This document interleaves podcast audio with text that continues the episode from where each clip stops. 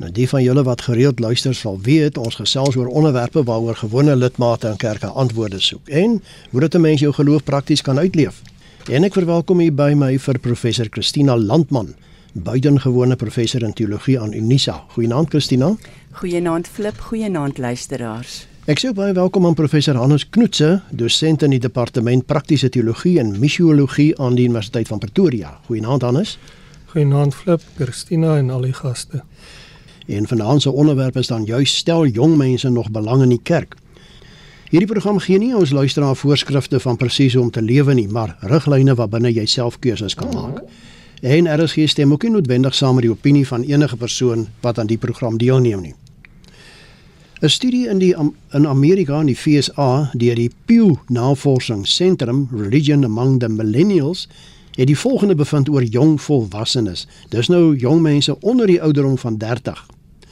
Een uit elke 4 beskryf hulle godsdiens as ateïsties, agnosties of niks in die besonder nie.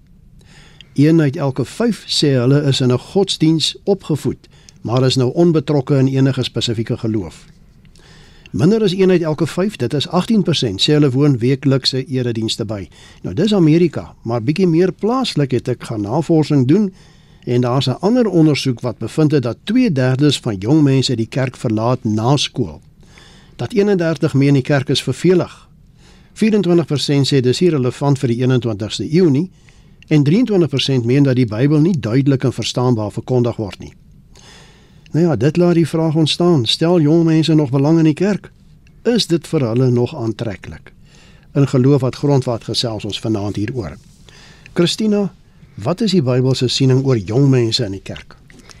Flip, ja, dit is uh, baie moeilik eintlik om wat ons vandag onder jong mense verstaan en um, internasionaal word erken dat jong mense is tussen die ouderdom van 18 en 24.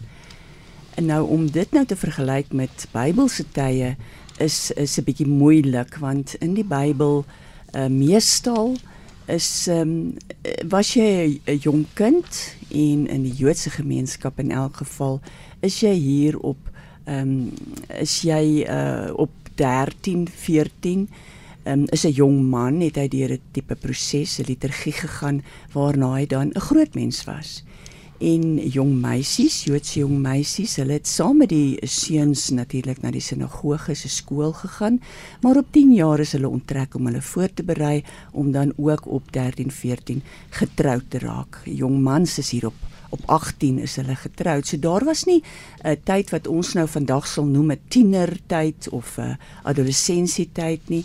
Die woord tiener en adolessent kom ook nie in die Bybel voor nie. So dis 'n bietjie moeilik om daai tye met vandag te vergelyk. Maar ehm um, en en jy weet in die in die groter samelewing sal ek maar sê in die Romeinse ryk wat nou daardie tyd uh, die wêreld oorheers is oorheers het was die gemiddelde ouderdom vir 'n vir 'n vrou om om um, haar lewensverwagting was maar 24 jaar en 'n man se was was 28 jaar. So dit lyk amper of daar meer uh, vroue in geboorte gee oorlede is as as jong mans op die slagveld. En dan uh, weet men op 30 soos wat um, Jesus was toe hy sy bediening begin het, was hy al 'n senior burger. Ehm um, so uh weet jy wat wat wat wat eintlik goed is wat ons daaruit kan vat vir die Ou Testament en vir die Nuwe Testament is dat uh, jong mense van daardie ouderdom is as deel van die godsdienstige gemeenskap gesien. Met ander woorde, dit was nie soos ons baie keer vandag het 'n spesiale diens vir jong mense en spesiale uh, bediening vir jong mense nie. Uh, ons lees van Ananias en Safira dat jong mense die liggaam uitgedra het, maar hulle was deel van die gemeenskap. Ons dink aan Jesus se disippels wat toe seker 15 of 16 jaar oud moes gewees het want hulle paas het nog gelewe en Jesus was so 30 toe hy dan hulle as sy disippels gekies het. Ons dink ons dink ook aan Paulus wat 'n vader was vir sy seun eh, Timoteus of terwyl dan sy mentor was. Nou wat vandag betref, is dit in Suid-Afrika moeilik om omvattende navorsing oor jeug te doen. Jy weet ons behoort aan verskillende verskillende rasse, vers, baie baie kerke. Ons het seker hier 30 40000 kerke in Suid-Afrika. Ons godsdienstige landskap is baie kompleks. Ehm um, nou daar pas 'n boek uitgekom met die naam Stuck in the Margins. En hulle gee daarom so 'n bietjie meer positiewe uh, siening van uh, of statistieke van jong mense hier in Suid-Afrika. Hulle uh, sê dat 80% van die jeug in Suid-Afrika, dis nou tussen 18 en 24, ehm um, sê identifiseer hulle self as as godsdienstige mense. Hulle sê ek het 'n godsdienstige identiteit, dis nogal hoog en dat so 55% van hulle aandui dat hulle ten minste eenmaal kerk toe gaan ehm um, eenmal per week, wil ek weer sê eenmal per week 'n godsdienstige byeenkoms bywoon, soos 'n erediens of watter godsdienst hulle ook al behoort. Ehm um, weet in en en in hier ehm um, Amerika jy nou jy pas aangetoon is die situasie anders, daar's minder jeug wat uh, godsdienstig betrokke is. In Europa is dit eintlik nog erger waar minder as 40% uh, van die jeug hulle self eintlik 'n godsdienstige identiteit gee of sê ek is godsdienstig en dat in party lande uh, 'n uh, meerderheid van lande maar 6 of 7 persent van van die jeugkerk toe gaan. So dis eintlik baie moeilik om statisties hierna te kyk. Ek hoop maar dat uh, Hannes vir ons 'n uh, meer in diepte um, ontleding van die situasie kan gee. Ja, Hannes is juis iemand wat bietjie navorsing in die verband gedoen het oor die millennials en jong mense. Nou Hannes, ek sien die SMS'e kom baie vinnig in, maar voor ek aandag daaraan gee, wil ek eers vir jou vra. In jou betrokkeheid met jong mense, waar lê die kerk op jong mense se prioriteitslys? Ehm um, dit is baie moeilik om te antwoord soos wat Christina aangedui het omdat ons so klomp diverse ehm um, groepe uh, in in ons land het en dat daar in die onder die jeug ook te min navorsing doen word in die verband met die kerk. 'n Tweede saak wat baie belangrik is is dat um, ons gewoonlik navorsing doen onder die jong mense wat by die kerk betrokke is en nooit onder die mense wat nie by die kerk betrokke is nie sodat ons kry 'n eensidedige beeld en 'n derde saak wat ek dink wat hier 'n rol speel is hoe ons die begrip kerk verstaan. Baie mense verskraal dit tot 'n erediens op 'n Sondag en en ehm um, ek dink dit het ook 'n bepaalde invloed op op wa, waaroor ons praat vanaand. Daar het 'n ruk terug 'n boek uitgekom van Malanel en uh, uh, van der Westhuizen uh, wat met die titel skokkend positief wat hulle eintlik gesê het maar die Afrikaanse jeug is baie positief oor die kerk en dis waarskynlik meer die kerkjeug. Ehm um, my eie belewenis is dat die jong mense baie meer integraal deel van die kerk wil wees en hulle dit nie kerk net sien as 'n Sondag erediens nie, maar dat dit 'n groot rol speel ehm um, deur die loop van hulle van hulle weeklikse program ook. Ehm um, en en uit die aard van die saak is daar 'n klomp jong mense wat nie deel is van die kerk nie. Ehm um, miskien nie oor dit nie vir hulle belangrik is nie, maar as gevolg van die omstandighede waarin hulle hulle self bevind en en hoe hulle groot word. Ek merk hier een van die SMS'e Jakkals wat vir ons geskryf het. Hy sê dat jong mense die kerk verlaat is net die kerk se skuld. Babas kry baba kerke. Jong kinders het kinderkerke. En daarna kry hulle iets soos Jesus Kids wat net 'n gespeel is. En dan sit die een of ander superhero kerk waar hulle hoor hoe baie spesiaal hulle is. En dan volg orkeste en rockkerk. En dan is hulle 18. Wie op aarde sal nou wat teruggaan na die gewone kerk toe? Ons jaag ons kinders uit die kerk en staan skuldig. Bring hulle terug kerk toe van kleins af sê Jakkals. En nou wil ek juis vra en by jou hoor Hannes, wat veroorsaak dat sommige jong mense skynbaar belangstelling in die kerk verloor? Ehm um, flip ek dink daar's 'n paar goed wat 'n rol speel om eers net by 'n groter konteks te begin. Ek dink ons moet besef ons lewe in 'n post-Christendom era, nie post-Christelik nie, post-Christendom en dat die kerk nie meer ons lewens en ons programme bepaal nie. Ehm um, en en dan is dit uit die aard van die saak altyd nie 'n enkel faktor wat maak dat jong mense en kinders uit die kerk uit verdwyn nie. Daar's 'n paar ehm um, sake wat faktore wat 'n rol speel, byvoorbeeld die ouerhuis of die rolmodelle of die ehm um, gemeentes waarin ons groot word. Ehm um, en en baie van ons ouers vat net hulle kinders uh, verwag van hulle kinders om kerk en so kategese by te woon sonder om self erediens toe te gaan en dan is hulle 18 is dan dan volg hulle hulle ouers se voorbeeld. Um 'n ander groot rol in vandag se tye is die is die eise wat die samelewing en die skole aan ons aan ons jong mense en ons kinders stel. Um ek gebruik maar net die voorbeeld van sport.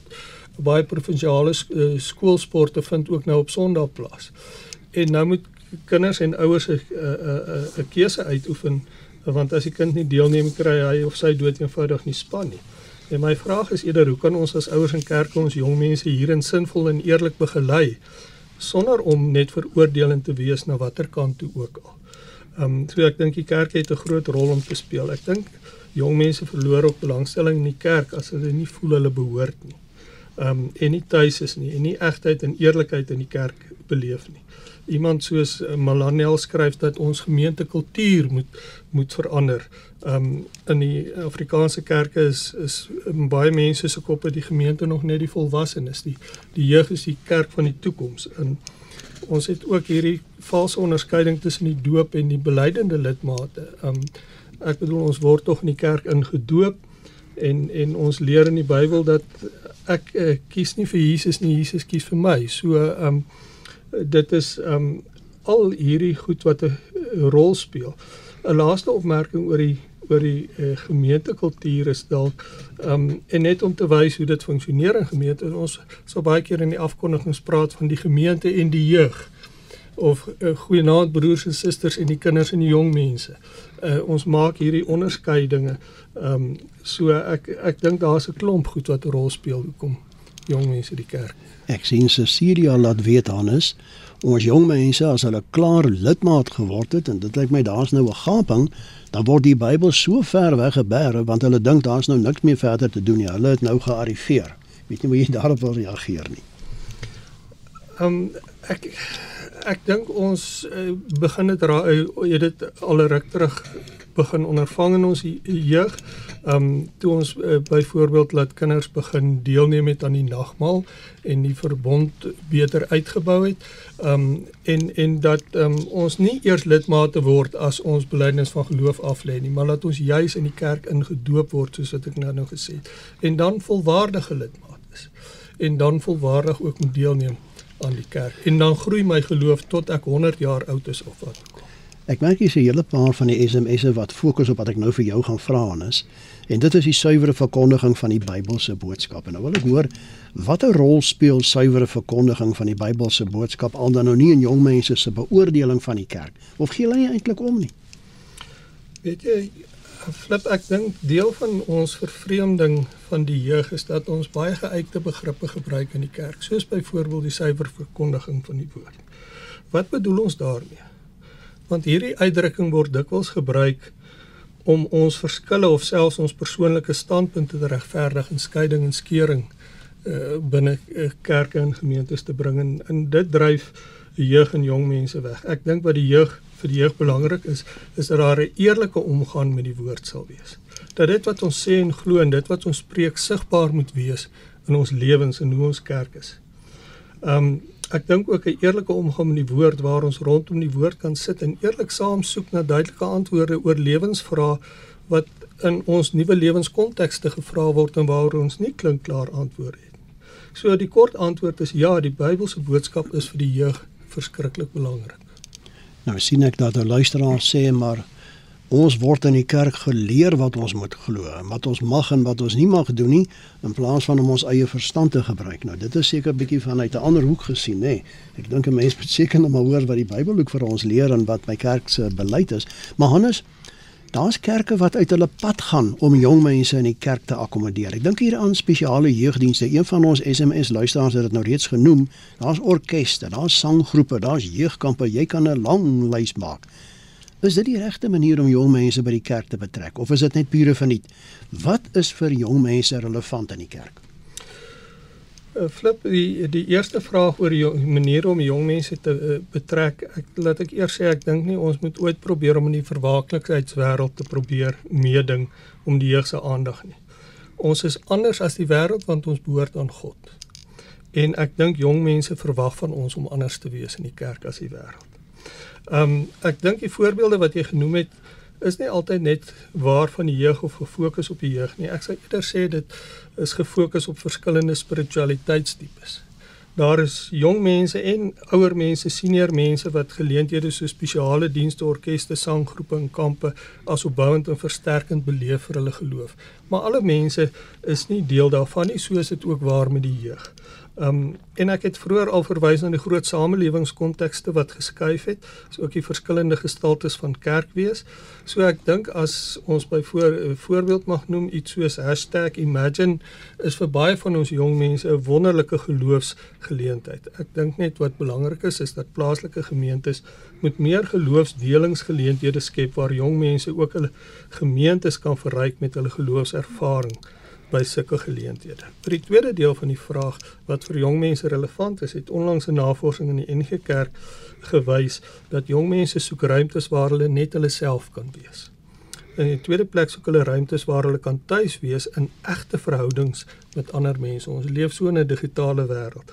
Die derde is waar hulle gehelp word met praktiese lewenswysheid en ruimtes waar geloof en alle aspekte van hulle lewens bymekaar kom. So dit lyk vir my as ons mooi luister sê jong mense, hulle soek iets van 'n mentorskap. En daarom is meer generasies in die geloofsgemeenskap verskriklik belangrik. Ja, dit sou nou baie interessant wees as ons baie SMS'e van jong mense vanaand kon kry, nê. Nee. Ons sien hierso van ons senior mense, van ouers en so aan wat vir ons laat weet. Nou as jy dalk 'n jong mense daar naby jou sê, hulle moet vir ons laat weet wat wil hulle in die kerk hê. Ons gaan nou daaroor praat. Ek wil net vir julle herinner as luisteraar, jy luister na RSG met die program Geloof wat grondvat en ons gesels vanaand oor stel jong mense nog belang in die kerk. Ek is Flip Loots en my gaste is professor Christina Landman en professor Hannes Knoetse. En as jy wil saamgesels, hier is die SMS nommer 45889. 45889. Onthou net elke SMS is kos R1.50. Nou Hannes, ons moet bietjie prakties raak. En ek wens die jong mense kan vir ons sê wat hulle wil hê, maar hoe sou jy dink sou jong mense die kerk wou verander in aanhalingstekens om dit vir hulle aantreklik te maak om by te woon. Dis nou te sê indien hulle nog enigsins in die kerk belangstel, wat sal dit vir hulle lekker maak? Jy het nou verwys na bepaalde dinge, maar is daar iets meer wat ons kan byvoeg? Flip ek um, dink dit sal dwaas wees om nou hier te sê en uh, te sit en te sê ek, ek dink ek weet wat met die kerk verander. Ek dink hierdie is 'n tipiese gesprek wat met jong mense in gemeentes moet plaasvind want dit gaan van die gemeente tot gemeente verskil. Ehm um, die tweede ding is ek dink ook dis belangrik om by jong mense self te hoor en nie namens hulle te besluit of te praat oor wat hulle verander nie. En dan dink ek ook dit gaan nie in die kerk daaroor dat jong mense net wil hê die kerk moet lekker wees vir hulle as jong mense nie. As as dit vir hulle in die kerk gaan net om dat dit lekker is, gaan hulle gou iets anders kry wat lekkerder is. Ehm um, die vraag moet dalk eerder wees, hoe kan ons dit betekenisvol maak dat dit waarde tot hulle lewens toevoeg en ek dink daai gesprek gaan in bepaalde kontekste verskillend wees. Nou watter rol dink jy speel rolmodelle soos ouers of kultusfigure, selfs vriende in jong mense se siening van die kerk en godsdiens? Ek het reeds vroeër in die gesprek daaraan verwys dat ouers een van die bepalende rolle speel in jong mense se verstaan van die kerk. Ehm um, die rol van ouers in die geloofsvorming van die kind en die siening van die kerk het die grootste invloed aangesien hulle die fisiese en geestelike ruimtes bepaal waarin die kind groot word en en hoe hy gevorm word. Dis ook nie altyd wat die ouers sê nie, maar baie eerder wat hulle doen wat die grootste rol speel en hoe hulle leef binne binne die ouerhuis. En natuurlik waar ouers afwesig is, is jong men, in jong mense se lewe, het sy fisies of emosioneel sal ander kultusfigure soos jy praat of vriende 'n baie groot rol speel in om hierdie sienings te bepaal en en hoe hulle dan dink oor kerk en godsdiens. Ek sien hier van die luisteraar, een van hulle sê ek is 30, nie so jonk meer nie maar uh, nog jonk genoeg en wat my aangetrek het is dat daar mense van my ouderdom toe was ek 23 was wat my by die kerkdeur gegroet het. Al ken hulle my nie. En hulle het my toe saamgenooi na die koffiekroeg van die kerk. Dit laat my so welkom voel sê hulle nê. Nee. ek dink as jy nou nog gesê het hulle wil graag uh, mense ander mense ook in die kerk ontmoet dan. En uh, iemand anders sê M Kuhn Ek is so bly dat ek vanaand luister. Ek het my verpligtinge gelos by die kerk want dit voel een persoon wil hê ons moet alles doen soos hy wil hê ons moet doen. Ek weet nie of na die dom nie verwys nie. Uh maar nou ja, kom ons laat dit daar. Hannes, hoe sien of ervaar jong mense God? Watter godsbeeld het hulle? Uh, flip weer eens is gaan dit verskil van persoon tot persoon of eerder van omstandighede waarin ons groot word. Dit gaan 'n groot invloed hê op hoe ons God sien en ervaar. Uh ons het reeds na die belangrikheid van die ouerhuis verwys, maar ook die plek, die byvoorbeeld die geografiese plek waar ek groot word beïnvloed my uh, godsbeeld. As ek in 'n woonstel in die middestad van Pretoria groot word of 'n in 'n huis met 'n groot erf in die oostelike voorstede of 'n plaas in die Noord-Kaap of in 'n plakkershuis op 'n in 'n plakkerskamp, gaan dit 'n invloed hê oor hoe ek God sien en verstaan. Jong mense dink ek het baie minder rigiede godsbeelde as ek dit so mag uitdruk as wat die ouer generasies het. Miskien omdat hulle meer bewus is van die aanhoudende nuwe inligting wat ons elke dag se lewens oorspoel is hulle baie meer bereid om nie te dink oor God of te te besef dat daar ook um nuwe kontekste is waarin ons moet dink oor God. Ek sien aan hier dat weet dis die dominee se skuld. Dis die predikant se fout en dat jong mense nie meer wil kerk toe kom nie. En uh iemand hier van die Ooskaap sê onthou jong mense bly nie altyd jonk nie. Hulle moet iewers leer en kerk is die belangrikste plek om by te leer. As die kerk begin entertain, moet hy elke dag iets nuuts uitdink. Nou ja, hoekom is dit vir die kerk so belangrik anders om te weet hoe jong mense oor die kerk voel en dink? Is dit nie maar net 'n stadium waardeur hulle gaan nie soos die luisteraar nou net gesê het en later in hulle lewe sal hulle tog maar weer na die kerk toe terugkom as daar 'n behoefte is? Flip, dis vir die kerk belangrik wat jong mense dink want jong mense is die kerk. Ons praat so dikwels van jong mense asof hulle langs die kerk of parallel met die kerk eh, bestaan. Maar dit is die kerk, dit is die gemeente. En baie gemeentes dink en praat ook nog oor die jong mense as die toekoms van die kerk. En natuurlik is dit waar, maar hulle is nou reeds die kerk. En as die kerk hulle wil behou vir die toekoms, dan moet ons hulle nou as volledig deel van die kerk hanteer. Ek dink ook dit is waar dat die jeug deur verskillende lewensstadiums gaan. En in sekere tye mag hulle nader aan die Here wees as ander tye. Maar is dit nie tog waar van ons almal ook dat ons deur sulke stadiums gaan nie. Ja, ek sien dat ehm um, Hilda de Villiers of Hilda de Villiers van Mamasbury sê jong mense is in harte soekend en gelowig alhoewel nie altyd kerkgebonde nie. Is dit 'n belangrike ding dat 'n mens moet by 'n ander kerk behoort, 'n lidmaat wees of kan jy nog Christen wees of aan die Here behoort sonder om aan 'n kerk te behoort? Ehm um, flip die uh, navorsing wat wat uh, Stefan Paas uh, gedoen het in 2019 in in Europa skryf hy baie besonder oor hoe hoe belangrik is die kerk want as ek tot bekering kom dan bekeer ek my mos nie net tot die Here nie maar ook tot die liggaam van God wat dan die kerk is en ek is die kerk, die geloofsgemeenskap is vir my belangrik om my geloof uit te deel en my gawes te gebruik tot opbou en uitbou van die gemeenskap. Uh, Christina, as ek jou miskien ook kan kan trek hier. Ek sien hier's 'n luisteraar wat sê ek en my Jan is al my man is albei onder 30, soos twee jong mense wat hier praat. Ons dink nie die kerk met jong mense probeer lok nie. Dis 'n innerlike besluit wat elke mens self moet maak. En ons stem beide saam dat ons sienings en geloof in godsdiens van kleins af ervaar en dat dit nou van die ouers afkom, maar hoe voel jy daaroor dat 'n mens die kerk nie soort van 'n advertensie tipe plek moet wees nie. Hulle moet van self lus voel om te kom. Ja, dit was uh, ook my ervaring gewees met die navorsing wat ek met jeug in die kerk gedoen het, is dat dit die tipe ehm um, situasie is wat hulle wil ehm um, wat waarin hulle wil wees, is dat hulle wil deel van die gemeente wees. Hulle wil nie Um, hulle wil veral nie aangespreek word as die probleme van die samelewing en van die kerk nie. Hulle voel eerder baie keer is die ouers uh, die probleem. So jy weet, um, dit is dink wat wat ons hier gesê het is baie belangrik. Is dit hierdie as dit die jeug se ervaring um, en hulle behoeftes verskil van gemeente tot gemeente en daarom moet die gemeente moeite doen om uit te vind wat is wat wil die wat wil die ehm um, uh, jeug hê. Ek het nou die dag in op jeugdag ehm um, of toe ons in die kerk jeugdag gevier het, het ek sekere jong mense uit die gemeente en uit die gemeenskap genooi om deel uit die Bybel voor te lees waaraan 'n jong mense sprake is, soos die jong Dawid en die jong ehm um, Maria en en die ehm um, slavin van Naaman en so aan. En hulle moes toe hulle Bybel saambring want ons sou toe eers 'n bietjie oefen en toe bring toe bring hulle hierdie ou ou stukkende Bybel saam uh en hulle lees uit in 1933 vertaling en toe kom ek agter hierdie jong mense het nie eers Bybels nie. En hulle het by hulle ouers se Bybel gaan soek en hulle ouers het nog in 1933 Bybel iewers gehad wat hulle gehad het. So dis 'n ervaring in 'n deel van 'n gemeente, net 'n deel van 'n gemeente. So um, ek sou sê ja, 'n mens moet regtig net groter moet jy um, elke gemeente begin luister en die jeug toerus vir um, vir hulle bydra aan die gemeente. En aansluitend by Christina Hannes sou mense ook bietjie kon betrek by kerklike kommissies net so in 30 sekondes, maar hulle bietjie alles sê te sê en te hoor wat hulle hê.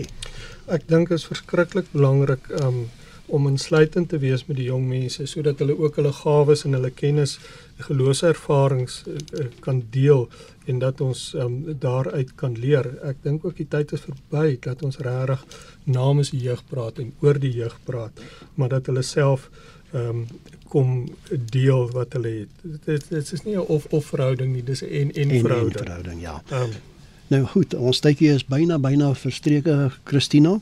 So 'n kort samevatting van jou, 30 sekondes. Ehm um, 30 sekondes sal ek sê ek dink wat ons nou veral beklemtoon het vandag is dat die jeug moet deel wees van die geloofsgemeenskap, ehm um, geïntegreerd wees, uh toegerus wees. Uh, ons moet hulle toerus as mentors, maar ons moet hulle ehm um, jy weet hulle ons moet hulle hulle plek gee vir hulle eie stem. En, en en ons het ook baie gepraat oor hoe moeilik dit is om navorsing te doen oor wat die jeug sê. Ek het baie keer agtergekom in my eie navorsing dat dit hang af wie die vraag vir die jeug vra uh, wat hulle antwoord. Jy weet as jy as die dominee vir hulle vra, as die dominee vir hulle vra hoor hierso, ehm um, sal jy kerk toe kom as ons hierdie en hierdie en hierdie behoeftes van julle aan voldoen, dan antwoord almal ja, maar as 'n onafhanklike navorser dit doen, dan antwoord hulle en sê die kerk is nie relevant nie. So met al hierdie probleme sit ons as ons as ons saam met die jeug hulle wil bekyk. Alles net baie korte woordjie van jou kant af. Flip ek dink in die in die eerste plek moet ons baie meer moeite doen met die liturgiese elemente in die erediens sodat mense deelnemend en inklusief kan deelneem aan die erediens en dit moet 'n plek wees waar waar mense kan beleef ek het aktief my geloof kom deel en nie net iets kom kom kry. Nou ja, hier op hierdie noot met ons aan groet en vanaand se geloof wat grondvat. Dankie vir die luisteraars se SMS'e en dankie Christina en Hannes vir julle bydraes en as luisteraars met julle wil kontak maak Christina, hoe maak hulle? Um, ek is uh, bereikbaar op WhatsApp op 0823772574. En Hannes? Hulle kan vir my e-pos stuur na johannes.nutse@ip.ac.za. En my kontakinligting flip by mediafocus.co.za. Tot volgende Sondag aan dieselfde tyd. Totsiens.